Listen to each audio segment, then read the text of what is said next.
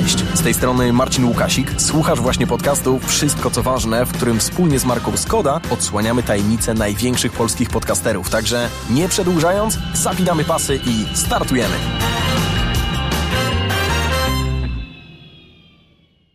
Dzień dobry moi drodzy. Dzisiaj moim, a przede wszystkim waszym gościem w podcaście Wszystko co ważne jest e, Marcin Myszka. I myślę sobie Marcin, że takie rzeczy trzeba mówić głośno. Autor najpopularniejszego podcastu w Polsce oraz facet, który zna tak dużo kryminalnych historii, że aż trochę strach się bać. Dzień dobry. Cześć, witam wszystkich. Nie wiem, czy najpopularniejszy, e, na pewno jeden z najchętniej słuchanych. E, Okej. Okay. Ale faktycznie trochę osób, e, trochę osób mnie zna pewnie z tej działalności. Czy to jest taka skromność wrodzona?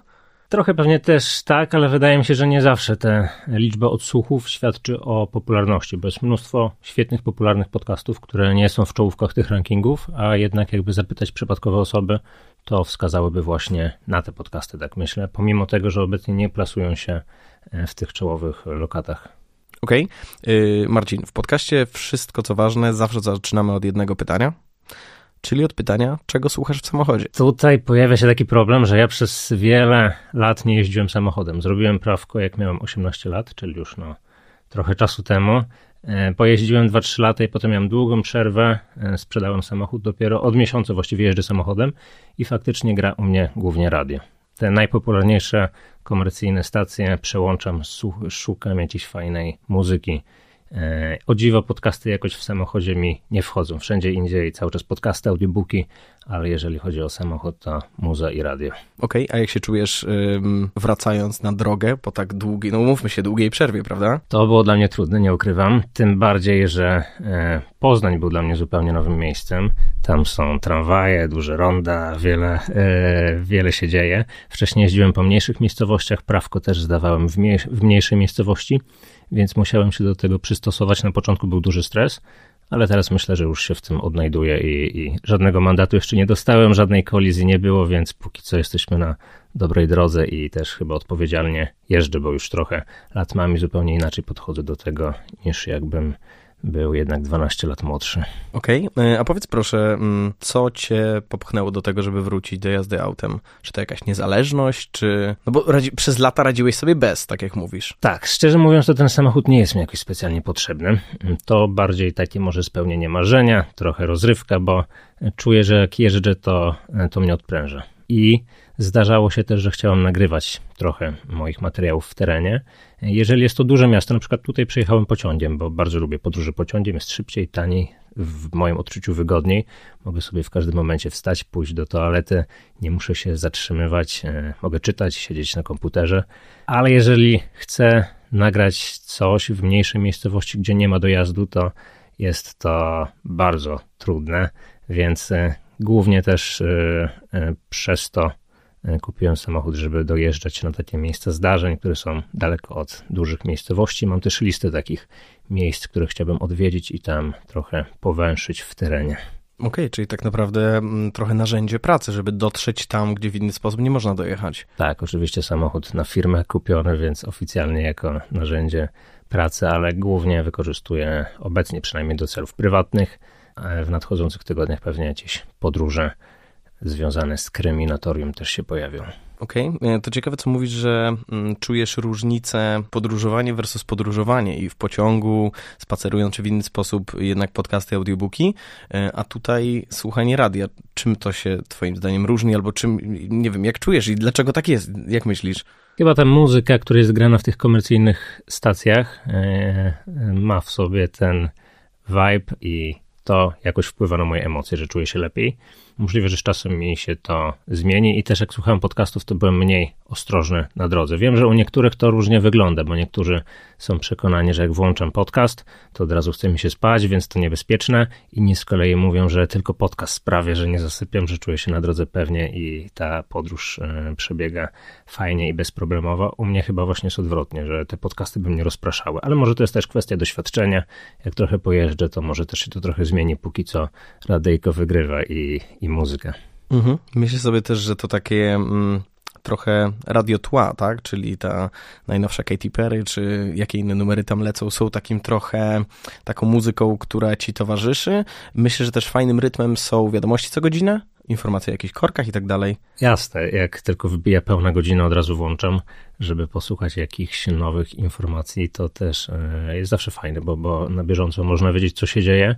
Akurat informacje o korkach głównie słucham tych ogólnopolskich rozgłośni, więc jakiś tam wypadek na autostradzie nie zawsze e, e, wpływa na, na, na to, na zmianę moich planów, czy, czy na zmianę trasy, którą sobie wcześniej obrałem ale e, te informacje też są ważne i, i też, e, też e, słucham na pewno.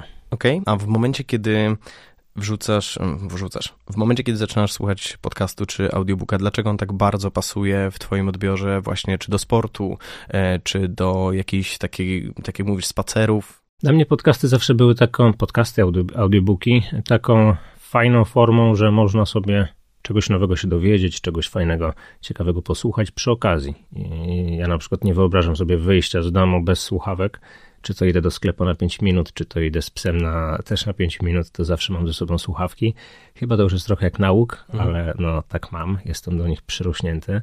I zawsze to jest szansa na to, aby czegoś nowego się dowiedzieć, aby czegoś nowego posłuchać. E, I to wydaje mi się, że jest najciekawsze i najfajniejsze w podcastach, i to pewnie przyciąga też ludzi. Okej, okay. a słuchasz przede wszystkim rzeczy związanych z Twoim poletkiem, czyli tematów kryminalnych, czy może właśnie w inną stronę, kompletnie oderwanych od Twojej codziennej działalności? Chodzi mi o to, czy bardziej podsłuchujesz konkurencję, czy jest to dla Ciebie rozrywka, a może jakieś źródło wiedzy? Gdy zaczynałem kilka lat temu, to śledziłem mm, bacznie co dzieje się na tym polskim rynku podcastowym, jeżeli chodzi o moją kategorię, czyli, czyli sprawy prawdziwe.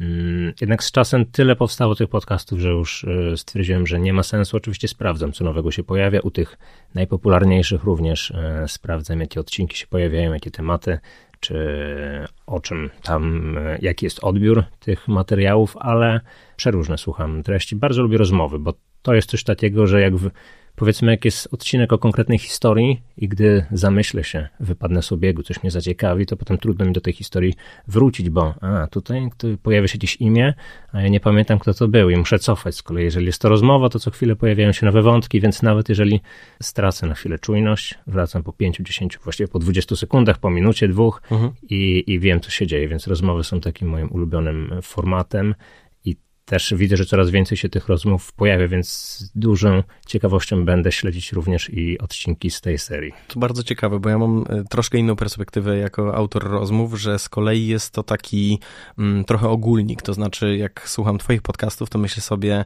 ok, interesują mnie historie kryminalne i wiem, że każdy twój odcinek będzie dla mnie potencjalnie ciekawy, tak?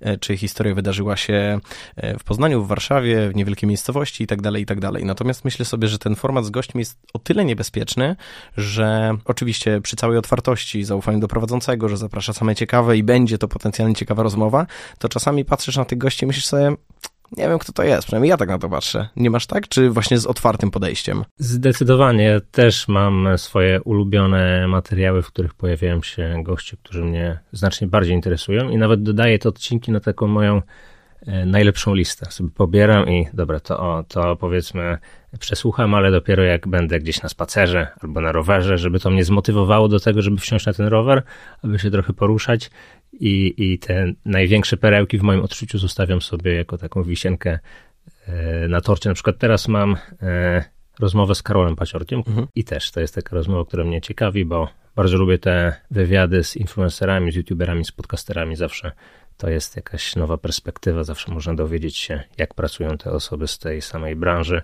i takie podcasty lubię najbardziej. Czyli mówisz, że odsłuchanie tego wyczekiwanego odcinka w kontekście sportu jest troszkę taką nagrodą, że idę na trening, bo czeka na mnie ciekawa rozmowa? Tak, i niejednokrotnie to się sprawdza, że wstaję rano i no trochę mi się nie chce, może bym sobie to przerzucił na kolejny dzień, ale ten podcast na mnie czeka i tak mnie motywuje, że a powiedziałem sobie i obiecałem sobie, że przesłucham tego odcinka, na który czekam dopiero w momencie, gdy powiedzmy wejdę na siłownię, to dobra, to mam większą motywację, żeby wstać z wyra, żeby wziąć rzeczy i żeby ruszyć na trening. Okej, okay. Mm, myślę sobie, jak opowiadasz o słuchaniu mm, czy różnych twórców, czy uprawianiu sportu e, i trochę łącząc te historie, ty opowiadałeś, może nie jakoś bardzo szeroko, ale dało się to wyłapać w twojej komunikacji, e, że postawiłeś na zdrowy tryb życia, tak, że ten element e, diety, sportu, nawet dotarłem do takiej informacji, że masz aplikację, która liczy kalorie. Tak, od, właściwie od chyba od kilku lat już liczę te kalorie, bo Jak byłem dzieckiem, nastolatkiem, to miałem spore problemy z nadwagą. Można powiedzieć nawet, że byłem otyły. E, miałem z tego powodu duże kompleksy, też dużo problemów i właściwie odkąd dopiero zacząłem te kalorie liczyć, to jestem w stanie kontrolować to, co jem, ile jem. E, w momencie, gdy odrzucałem te aplikacje, gdy tego nie robiłem, to od razu jadłem dwa albo trzy razy więcej. Jestem głodomirem, żarłomirem, nie wiem jak można to nazwać, ale ciągnie mnie do jedzenia, lubię to, a ta aplikacja pozwala mi się kontrolować i oczywiście zdarza mi się zjeść więcej, zdarza mi się zjeść mniej, ale wtedy nie jestem zaskoczony, że coś się dzieje z moim ciałem, bo dokładnie wiem, jakie będą konsekwencje tego, że sobie zjem batonika, czy, czy, czy zjem trochę mniejszy posiłek. No dobra, jak opowiadasz o, o sportowym trybie życia, to na ile bardzo pozytywnie on wpływa na taką produktywność podcastera? To znaczy, na ile twoje życie się zmieniło, jak patrzysz w takiej szerszej perspektywie na to? Oj, bardzo. Przede wszystkim lepsze samopoczucie, mm, bo kiedyś w ogóle nie zwracałem na to uwagi. Głównie siedziałem przed komputerem, E, aktywność fizyczna mnie nie interesowała. Oczywiście teraz też głównie siedzę przed komputerem, bo moja praca na tym się opiera. Pracuję ze swojego domowego studia, ale kilka razy w tygodniu muszę gdzieś wyjść, się poruszać. Też to nie są jakieś wyczynowe treningi, ale chociażby spacer godzinny, czy jakiś rower, czy, czy siłownia. E, I też niejednokrotnie widzę, że te najciekawsze pomysły, powiedzmy na materiały na filmy, które odniosły największe zainteresowanie, czy, czy wprowadziłem do nich jakiś nowy koncept, który się spodobał, zazwyczaj przychodzą mi właśnie podczas tych treningów. Też może ma to związek z tymi podcastami, które sobie zostawiam na deser e, podczas, e, podczas tych treningów, że tam pojawiają się jakieś ciekawe koncepcje, jakieś ciekawe wątki rozmów, które potem mnie inspirują do tworzenia jakichś ciekawych rzeczy w moich produkcjach, więc e, to na pewno wpływa pozytywnie i nie wyobrażam sobie teraz, aby z tego zrezygnować. Każdemu polecam, kto ma taki właściwie domowy tryb życia, tak jak e, ja kiedyś miałem, to żeby spróbować trochę się poruszać i posłuchać może w tym czasie podcastów, bo to jest świetna opcja. Okej, okay, a z perspektywy twórcy myślisz, że na co dzień jesteś bardziej introwertyczny czy ekstrawertyczny? Introwertykiem jestem zdecydowanie. Lubię siedzieć w domu.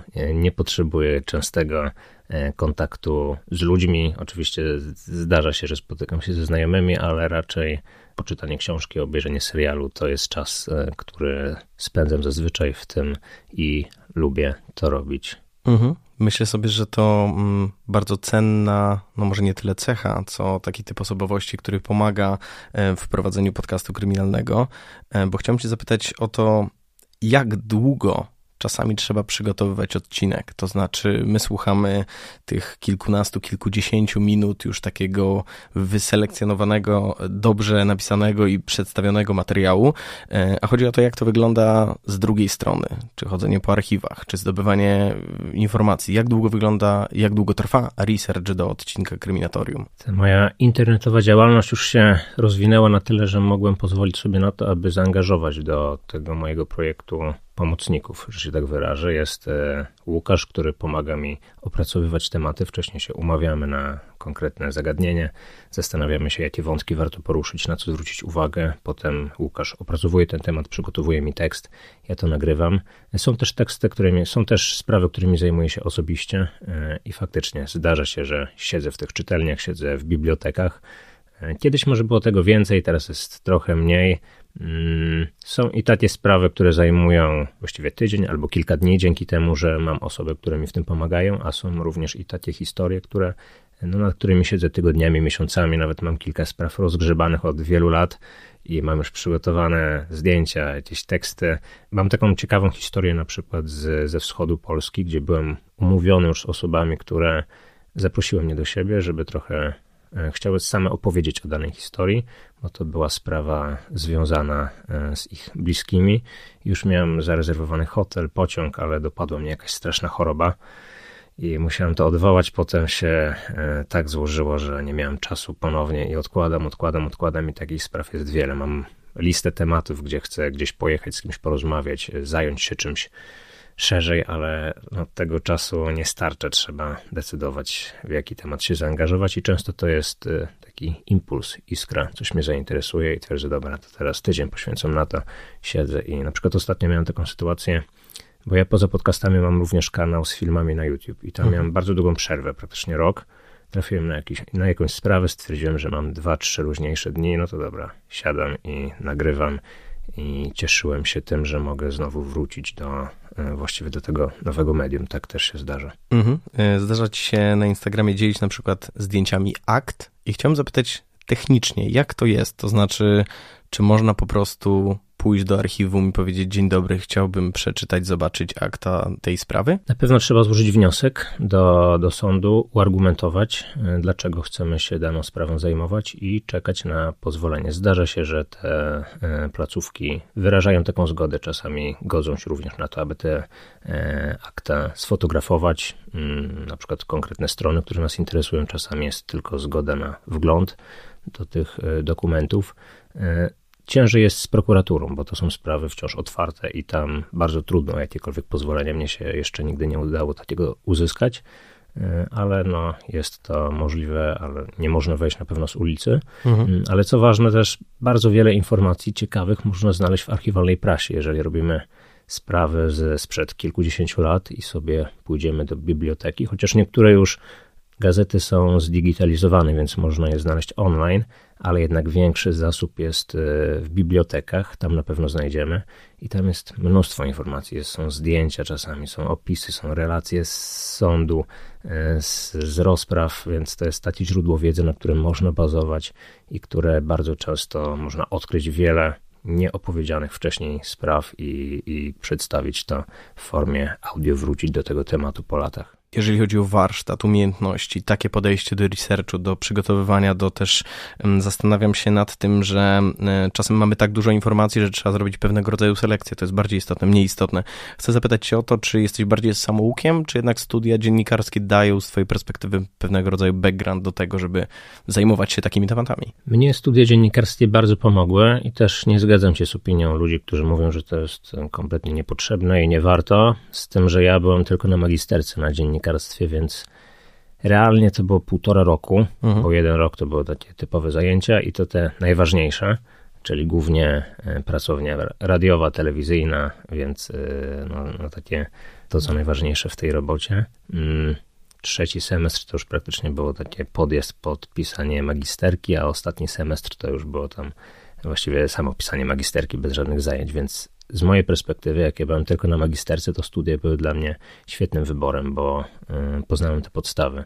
Ale faktycznie, jeżeli miałbym być na studiach dziennikarskich przez 5 lat, to mogłoby być trochę nudno. No, też trzeba pamiętać o tym, że jeżeli idziemy na studia tego typu i myślimy, że będziemy chodzić na zajęcia i potem e, zrobimy wielką karierę, no to tak nie będzie. Jednak trzeba e, dać coś od siebie. Na przykład widzę teraz na podstawie moich znajomych, że ci, którzy byli najbardziej zaangażowani w te studia, nawet nie mówię w studia, ale w zajęcia poza studiami, czyli mhm. angażowali się czy to w jakieś radio studenckie, czy to telewizję studencką, no to o dziwo te twarze widzę i w telewizji, i w radiu, i widzę, że w prasie radzą sobie znakomicie. Osoby, które raczej nie angażowały się w, tego, w taką aktywność, w tych mediach ich nie widać. Oczywiście, może są zadowolone z tego, co robią, e, ale jednak e, jeżeli zaczynamy na studiach robić coś takiego, to jest większa szansa, że uda nam się coś w tym zawodzie zdziałać. To ciekawe, jak media się zmieniają i jak ta forma komunikacji i też trochę inne dotarcie do słuchacza daje możliwości, bo też tak naprawdę, umówmy się, z perspektywy dzisiaj każdy może być nadawcą, czyli już nie trzeba gdzieś tam aplikować do redakcji, tylko można sobie założyć swój kanał i, i zacząć próbować. Myślisz, że, że jest to, jak duża jest to szansa dla e, młodych, czy dziennikarzy, czy osób, które chciałyby po prostu robić coś swojego? To jest ogromna szansa i polecam każdemu, kto jest nawet na dziennikarstwie, czy myśli o takiej robocie, żeby próbować swoich sił, bo nawet jeżeli będziemy ch chcieli związać swoją przyszłość z tradycyjnymi mediami, no to ta umiejętność, że potrafimy prowadzić TikToka, potrafimy zmontować materiał na YouTube, na pewno się przyda. Wystarczy zobaczyć, teraz te wszystkie ogólnokrajowe media również wchodzą i w podcasty, w YouTube'a, w jakieś TikToki, więc y, chcieliby mieć w swoim zespole kogoś, kto czuje te trendy, więc warto, warto zwracać na to uwagę.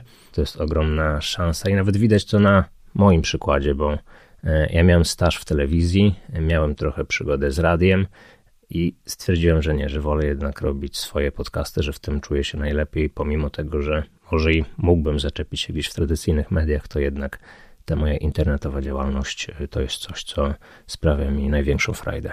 Marcin, myślę, że jesteś odpowiednią osobą, żeby zapytać o to, mianowicie, Twoim zdaniem, dlaczego Polacy tak bardzo pokochali podcasty kryminalne? Bo nie mówimy tu tylko o Twoim formacie, ale tych formatów jest mnóstwo. Mam wrażenie, że trochę zmierzających oczywiście za Tobą, tak, na fali sukcesu, e, gdzieś tam w głowie pojawia się pomysł, że okej, okay, Polacy chcą tego słuchać, ale właśnie dlaczego akurat y, takie historie kryminalne? Nie jesteśmy w tym oryginalni, bo podcasty kryminalne cieszą się największą popularnością właściwie na całym świecie. W innych krajach jest podobnie. To są przede wszystkim ciekawe historie. My lubimy tajemnice.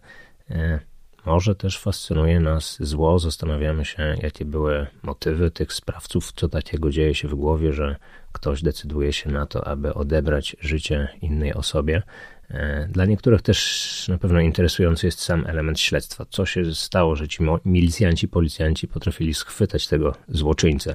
Czy to znaleźli jakiś włos na miejscu zdarzenia, czy odcisk palca, czy odcisk e, obuwia? Jaką musieli przejść drogę od tego, aby od momentu, gdy przyjechali po raz pierwszy na miejsce zdarzenia, do momentu, aż ten złoczyńca został zakuty w kajdany i trafił za kratki. To jest najciekawsze i My też chyba mamy taką żyłkę detektywa. Lubimy trochę porozwiązywać te tajemnice. E, lubimy może zabawić się w rolę, e, wejść w rolę w buty śledczego i, i zastanowić się, czy my także dalibyśmy radę rozwiązać tę zagadkę. E, to jest chyba to, co nas nakręca, i też wydaje mi się, że duży udział mają w tym serwisy streamingowe, które ostatnio bardzo coraz częściej wypuszczają głośne produkcje, czy to filmowe, czy pojawia się też dużo książek o tej tematyce. Mm, czy to literatury faktu, czy to kryminały, to też myślę, że ma duże przełożenie i te wszystkie produkcje, te wszystkie media e, grają chyba do jednej bramki i nakręcają zainteresowanie tym tematem. No dobra, a przy tej ilości produkcji nie masz z tyłu głowy takiej myśli, a co jeżeli skończą się te historie? Czasami pojawia się taka myśl, że faktycznie te najciekawsze w cudzysłowie sprawy e, są ograniczone, ale jest ich tak wiele, że, że chyba nie ma na to szansy i też cały czas dochodzą nowe historie.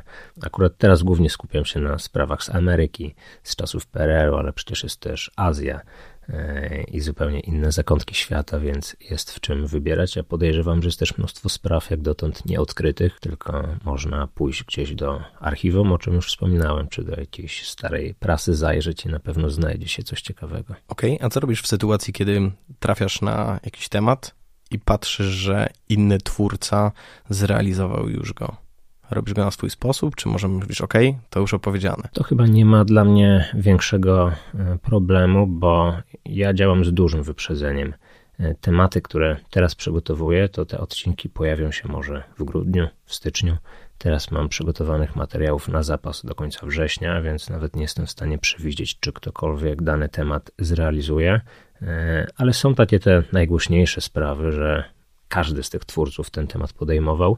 I co ciekawe, to nie jest tak, że jak jedna osoba wypuści na ten temat odcinek, potem druga osoba wypuści, to on ma już mniejsze wyświetlenie. Ci ludzie cały czas są zainteresowani, właśnie chcą poznać mm, sposób przedstawienia tej historii przez kogoś innego, mm, więc wydaje mi się, że nie jest to coś, co by mnie hamowało w tym, aby podjąć e, dany temat, ale też staram się, ja i mój zespół, aby jednak coś nowego do tej historii wnieść, aby może skupić uwagę na innych wątkach, aby przedstawić to w nieco inny sposób. Akurat y, ja zawsze kierowałem się tym, aby te moje produkcje były trochę inne, trochę się wyróżniały, żeby były trochę y, oryginalne i tego się trzymam. Tam jest muzyka, są efekty dźwiękowe, są głosy aktorów i to sprawia, że, że ten podcast jest y, od samego początku, ma swój styl, jest taki inny niż, niż pozostałe z tej kategorii. I, I chociażby ze względu na to, że każdy ma swój inny styl, to odbiorca może chcieć posłuchać raz u tego, raz u innego twórcy. Okej, okay, to prawda. E, a czy masz, czy w zasadzie macie na koncie takie historie, czy takie zrealizowane odcinki, które realnie coś zmieniły? To znaczy zaczęliście po latach grzebać, mówiąc kolokwialnie, e, w jakiejś sprawie i ona, nie wiem, czy ruszyła do przodu? Czy może pomogliście w jej rozwiązaniu? Z tego co wiem, w Polsce nie było takiej historii, jeżeli chodzi o podcast, ale wiem, że było jakiś czas temu taka sytuacja, gdzie pewien chłopak e, e, szukał w internecie informacji o swojej zaginionej mamie. Napisał post na Facebooku i ktoś skojarzył tę jego historię e, z pewnym, z pewnym zdarzeniem, które miało miejsce wiele lat wcześniej, i na tej podstawie udało się dowiedzieć, że jego mama nie żyje i to zostało potwierdzone, więc pomógł w tym internet, pomogli w tym internauci. To jest e, sprawa z Polski, ale raczej podcast się do tego nie przyczynił, ale patrząc na to, jak wiele powstaje tych materiałów, to myślę, że jest na to realna szansa. I to nie muszą być wcale reportażowe, śledcze serie, w których e, dany autor, twórca faktycznie drąży temat przez rok, jeździ, rozmawia ze świadkami, tylko sam, samo to, że pewien temat nagłośnimy już może sprawić, że, że historia się wyjaśni i też to jest pewnie jeden z ważniejszych celów, który może przyświęcać e, autorom z tej branży, że może kiedyś ta nasza twórczość przyczyni się do tego, że jakiś zbir zostanie schwytany, albo przynajmniej uda się rozwiązać jakąś tajemnicę. Czy tak możemy też nazwać misję kryminatorium albo szeroko twojej działalności, czyli właśnie rozwiązywanie spraw? Czy może chodzi mi o to trochę co cię motywuje i co cię najbardziej nakręca do, mm, no, do takiej twórczości? Rozwiązywanie spraw to może nie, bo e, rzeczywiście to są często historie sprzed kilkudziesięciu lat, gdzie tam już jest wszystko zamknięte. Sprawca został skazany, często stracony, albo są to sprawy amerykańskie, więc trudno mieć nadzieję, że ktoś z Ameryki nagle nauczy się polskiego i odnajdzie tu no, jakieś nowe, podcast. nowe fakty. To by było bardzo ciekawe, ale e, często dostaję wiadomości, że ludzie są bezpieczniejsi, że są bardziej odpowiedzialni, że zwracają uwagę na to, że to zło faktycznie czai się wszędzie. I często wydaje nam się, że jeżeli dochodzi do jakiegoś kryminalnego zdarzenia, to musiała być jakaś relacja pomiędzy ofiarą a sprawcą, że coś tam się wydarzyło, że jakoś zaszedł, ta ofiara zaszła za skórę temu, temu sprawcy, a nie zawsze tak jest. To są często przypadkowe sytuacje. Warto mieć to w głowie i warto o tym pamiętać, i czasami tych zagrożeń można unikać. I wydaje mi się, że takie e, podcasty, czy to książki, true crime, czy nawet seriale pomagają mm, nam się z tym oswoić, i dzięki temu wiemy, że trzeba uważać. Cieszę się, że poruszyłeś ten wątek, bo miałem o to pytać. Czy ty przy całej tej wiedzy i świadomości boisz się? Zdarza się. Zdarza się, że y, może jestem zbyt przezorny czasami. Y, powiedzmy, jak jestem w mieście gdzieś nowym, no to raczej nie wyjdę nocą na ulicę, której nie znam. Pamiętam w Warszawie miałem taką sytuację, pomimo tego, że nie było jeszcze aż tak późno, bo było około chyba 21, wracałem sobie do hotelu, byłem gdzieś w sklepie na zakupach i ktoś do mnie biegnie i się zdenerwowałem o co chodzi, czy to jest, e, czy, czy tutaj zaraz się coś wydarzy, czy powinienem uciekać. E, okazało się, że to był jakiś chłopak, który chciał mnie zaprosić do klubu, e, bo przechodziłem obok i szukali klientów, więc nie zawsze takie sytuacje kończą się źle, ale jak coś się dzieje nagłego, no to w mojej głowie pierwsza pojawia się myśl, że no, trzeba mieć się na baczności, trzeba tutaj obserwować sytuację i szybko analizować. Bo myślę sobie, że y, trudno jest znaleźć balans pomiędzy z jednej strony byciem świadomym, tak, to co mówisz też z taką misją dla słuchaczy y, o bezpiecznym, świadomym podejściu, a z drugiej strony, żeby trochę nie mieć takiej paranoi, tak, bo tak naprawdę to zagrożenie czeka, wiesz, za każdym rogiem. Tak, no teoretycznie nawet e, siedząc w domu coś nam się może złego wydarzyć Chyba w, w paranoję jeszcze nie popadam. Myślę, że to jest odpowiedzialność, ale taka zdrowa i no, życzyłbym sobie i wszystkim, żeby chociaż w połowie tak podchodzili do tego w, w podobny sposób jak ja. Mhm. Ja chciałem cię zapytać o mm, twoją relację ze słuchaczami, bo poczytałem trochę komentarzy na YouTubie. E, są one niesamowicie kulturalne i takie powiedziałbym super grzeczne, wręcz y, wynotowałem sobie jeden, gdzie ktoś pisze nie chcę być niemiły, ale w czwartej minucie, tam którejś sekundzie mówisz numer 991, a nie 911, kocham twoje podcasty, nie odbierz tego jako hejt, że takie Marcin, tu jest drobny błąd, ale ja w ogóle uwielbiam i jak ci się żyje ze słuchaczami, jaką masz z nimi relację? Właśnie zauważyłem, że też y, mamy z tym duży problem, że jakakolwiek krytyka twórcy często e, biorą to właśnie za hejt. A to często jest, e, tutaj aż widać taką super grzeczność. Mhm. Ale nawet gdyby to ten komentator napisał w normalny sposób, że ej, no tutaj wpadka, weź się ogarnij na przyszłość, no to ja nie mam z tym problemu. No wiadomo, no, przy takiej ilości materiału to, to nie, ma, nie ma szans, żeby tam się nie zdarzały wpadki, błędy. I dzięki temu, że ktoś mi to napisał z samego rana, jeżeli chodzi o ten numer, to ja mogłem poprawić to na Spotify'u. Okej. Okay mogłem poprawić to na platformach streamingowych. Wyciąłem ten fragment, nagrałem jeszcze raz, e, opublikowałem, bo te platformy streamingowe dają taką możliwość. Na YouTube już takiej opcji nie ma, więc musiało pójść z tym błędem niestety. E, nawet przypiąłem jeden z tych komentarzy na samą górę, żeby mhm. osoby widziały, ale i tak się cały czas pojawiały te komentarze. E, ale ja, ja to bardzo nie, no doceniam. No Jak zwracają uwagę, to, to cieszę się i też staram się poprawiać to, co się nie podoba. Bardzo często te głosy słuchaczy są dla mnie kierunkowskazem, w którym jak powinienem podążać z tym podcastem, co robić, e, co im się podoba, co im się nie podoba.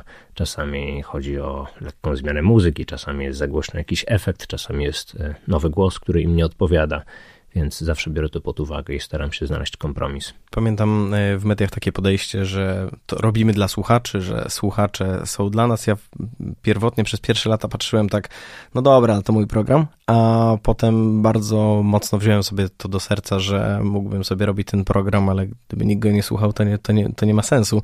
Więc myślę, że to bardzo cenna, taka zaangażowana grupa, która um, razem z tobą tworzy tę produkcję i chciałbym Cię zapytać o to, czy często słuchacze podrzucają historię albo zwracają uwagę, ej Marcin, może o tym zrobić odcinek. Bardzo często. Codziennie mam takie wiadomości, czy to na Instagramie, czy to na maila, spływają. Czasami to są historie, w których ktoś tylko proponuje temat, podrzuca link, mówi, to jest ciekawa sprawa, albo też bardzo często jest tak, że to wydarzyło się w moim mieście, więc musisz się tym zainteresować, również i ty.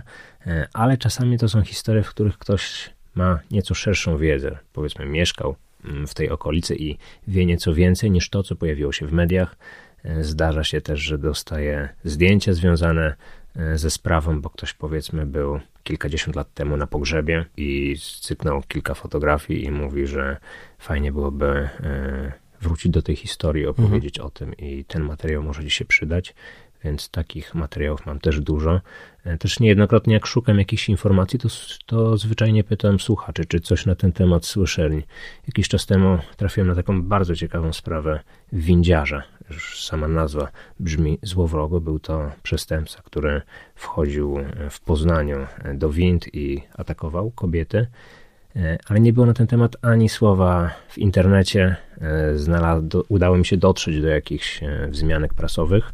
Mm, i zapytałem na Instagramie e, widzów, słuchaczy, czy kojarzą tę historię. Okazało się, że tak, że to była nawet taka trochę legenda miejska, że mm, rodzice mówili im, nie wychodź, będziesz niegrzeczny, to windziarz cię zaatakuje. Więc y, takie różne smaczki można zdobyć dzięki, dzięki temu, że zapytam swoich odbiorców i poproszę ich o pomoc. Wspomniałeś, e, że ludzie bardzo często podsyłają historie z ich miast w jednym z wywiadów z tobą znalazłem taki cytat, powiedziałeś, że Poznań to kryminalna stolica Polski. E, chciałbym zapytać, czym sobie to miasto zasłużyło na takie miano? Wydaje mi się, że tam tych spraw było e, w tych głośnych, ciekawych, więcej w stosunku do innych e, największych polskich miast, ale może to jest kwestia tego, że jestem z tym miastem związany i trochę więcej na temat tych zdarzeń wiem, ale nawet marzy mi się stworzenie jakiegoś przewodnika kryminalnego po Poznaniu, żeby poopowiadać o tych historiach, bo tam jest mnóstwo miejsc, które, e, które byłyby ciekawe dla osób zainteresowanych tym tematem. Można by przechodzić z punktu do punktu i dowiadywać się tych różnych e, historii. Myślę, że to też jest przyszłość w tej tematyce, że niedługo takie realizacje zaczną się pojawiać. Może ja będę pierwszy, może ktoś inny coś takiego zorganizuje. Wiem, że już są spacery śladami morderców, śladami, e, śladami spraw kryminalnych i cieszą się dużym zainteresowaniem, więc y, w, nadchodzą, w nadchodzących latach na pewno będziemy mogli w czymś takim uczestniczyć. Myślę sobie, że to coś trochę na kształt takiej gry miejskiej, kiedy można właśnie odkrywać kolejne etapy, a masz um, swoje w cudzysłowie ulubione historie z Poznania? Są historie, które najbardziej zapadły mi w pamięci. Jedna z nich to jest e, sprawa, którą właściwie wielokrotnie już omawiałem u siebie. Ten pan nazywał się Edmund Kolanowski. Kto będzie chciał dowiedzieć się więcej, sobie wygoogluje. Tak wstrząsająca historia, taka owiana jakąś ponurą, mroczną, cmentarną aurą też bardzo ciekawe śledztwo, które doprowadziło do schwytania tego przestępcy. E, I ja od, właściwie od wielu lat powtarzam, że jestem pewny, że w końcu to na podstawie tej historii powstanie jakiś super serial czy jakiś super film, bo to jest e, sprawa, która właściwie jest ewenementem na skalę światową. Więc tylko czekać na to, aż zostanie to zekranizowane i może trochę wprowadzone zostaną fabularyzowane wątki, ale to będzie historia, która została zainspirowana prawdziwą sprawą. No myślę, że mm, Polska to takie wyjątkowo płodne poletko, jeżeli chodzi o takie historie. Miałem moment fascynacji no, nie tyle sprawami kryminalnymi, co historią e, polskiej mafii lat 90., e, nie tylko Pruszków versus Wołomin, ale także Szczecin, tak dalej, tak dalej. No i to są historie, które naprawdę pokazują to, jak w Polsce na dużą skalę, mm, polska mafia w dużym skrócie prawdopodobnie wiesz, była budowana na podstawie jakby takiej włoskiej, tej, tej familii e, i pamiętam jak kiedyś do Warszawy, już pamiętam, który to był rok, przypłynął statek Jurata, to był taki gigantyczny przemyt narkotyków i e, policja wtedy oceniała, że był to przemyt na skalę tam, nie wiem, 50 milionów dolarów. Po czym okazało się, że to było 450 milionów dolarów, a Masa w wywiadzie powiedział, że mogliśmy sobie pozwolić na taki błąd. I dopiero po odkryciu tej sprawy okazuje się, że jest to kompletnie inna skala i myślę, że dużo takich historii jeszcze przed nami. Tak, ta polska mafia jest owiana e, wielką tajemnicą. Wciąż pojawiają się nowe legendy, nowe informacje i cały czas zastanawiam się, dlaczego ludzi tak ciągnie do tych tematów, bo te materiały mają mnóstwo odtworzeń. Jest taki też popularny kanał, który się tym zajmuje. Swoją drogą autor pochodzi z Poznania. I tam nie, za każdym razem, kiedy pojawiają się te najgłośniejsze ksywy, to tam jest mnóstwo wyświetleń, wszyscy są zainteresowani, pomimo tego, że często to są wałkowane informacje, które były już wcześniej podawane, to i tak ludzie chcą o tym słuchać. E, ale wydaje mi się, że to bardziej kręci facetów, że kobiety wolą te sprawy z podłożem psychologicznym, bardziej motywacja, co się działo w rodzinie, jakie relacje panowały pomiędzy sprawcą a ofiarą, a faceci, jak chodzi o napady e, z bronią w ręku, jakieś duże pieniądze, kobiety, to życie na granicy, no to to nas kręci i lubimy o tym słuchać. Może trochę nas to, może nam to w jakiś sposób imponuje, może nas to fascynuje. Niewątpliwie jest to popularny temat. Okej, okay. ciekawy podział parytetów, a widzisz to w swoich statystykach? Z tym, że ja aż tak dużo o tej mafii odcinków e, nie robię. Nie, nie, nie. Chodzi mi o to, czy widzisz, że więcej kobiet słucha twoich podcastów? Często jest e, taki stereotyp, że to kobiety słuchają podcastów kryminalnych. U mnie to się za bardzo nie pokrywa. Na pewno kobiety są bardziej aktywne i chętnie wyrażają swoje opinie, czy to komentują, czy to piszą wiadomości, czy nawet podsyłają te tematy, ale jeżeli chodzi o oglądalność, to jest mniej więcej pół na pół. Może lekka przewaga kobiet też w zależności od platformy, ale to jest mniej więcej pół na pół, z tym, że e, mój format jest, e, charakteryzuje się tym, że tam jest dużo faktów, dużo śledztwa, więc to może bardziej interesować e, mężczyzn, tak mi się wydaje. A są również takie podcasty, w których głównie tam jest to tło psychologiczne najważniejsze i może wtedy kobiety są tym bardziej zainteresowane, bo faktycznie jak słuchałem wywiadów z innymi twórcami, głównie z kobietami, z autorkami, to mówiły, że te kobiety są w przewadze. Okej, okay. nieprzypadkowo e, pytam Marcin o liczby, bo w podcaście Wszystko co ważne mamy dla każdego z gości drobny quiz. Dwa pytania i zadanie, e, więc zacznijmy od pytań. Powiedz mi, jak myślisz, ile minut łącznie został przesłuchany twój podcast Kryminatorium od powstania? Mam trzy opcje odpowiedzi, żeby tutaj Będzie nie wrócić z fusów. Opcja A to jest miliard do półtora miliarda, mówimy o minutach. B E, półtora miliarda do miliard osiemset i C miliard osiemset do dwóch miliardów.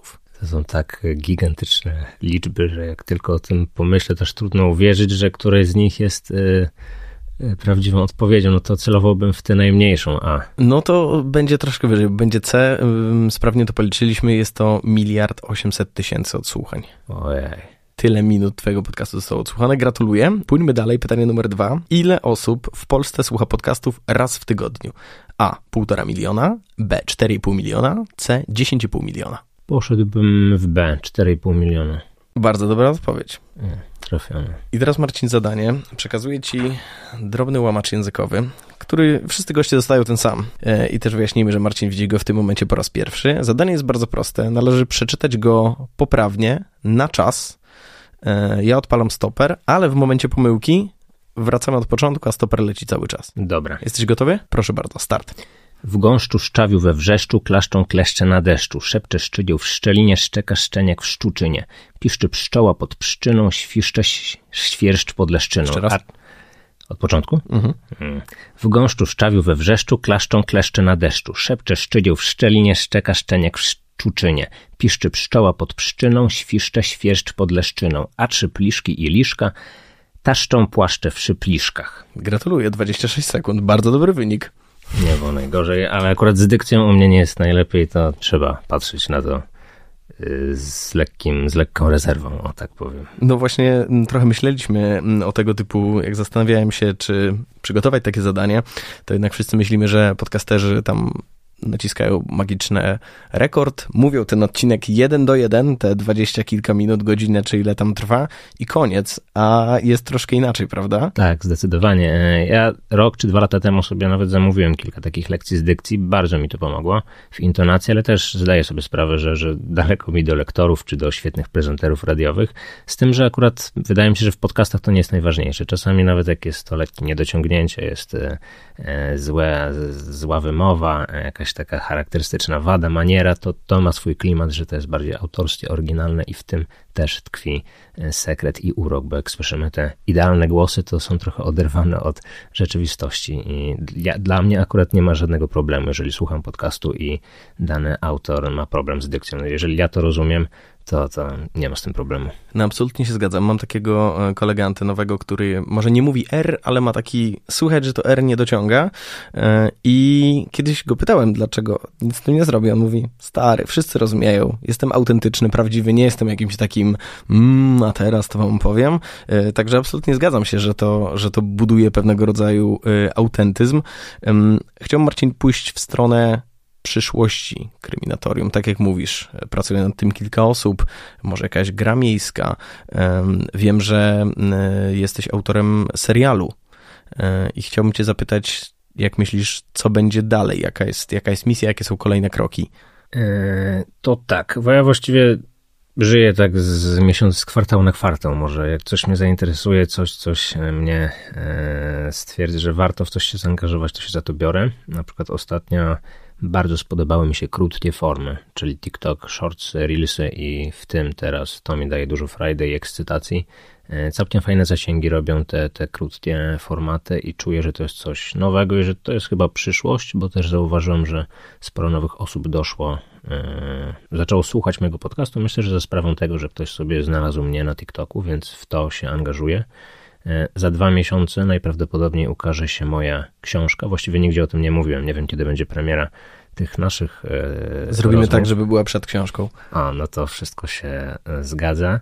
A kolejne lata myślę, że będę robić to, co robię dotychczas, e, tak długo, aż ludzie będą chcieli tego słuchać i po drodze pewnie będą pojawiać się jakieś pomysły. Skoro już zdradziłeś, to pozwolisz, że popłyniemy tym wątkiem. Możesz coś więcej powiedzieć na temat książki? To będzie taka historia sprzed kilkudziesięciu lat, e, właśnie o tym, że to zło czai się wszędzie i że trzeba o tym pamiętać i że każdy może paść ofiarą przestępstwa, e, nawet osoby, które w żaden sposób nie zawiniły.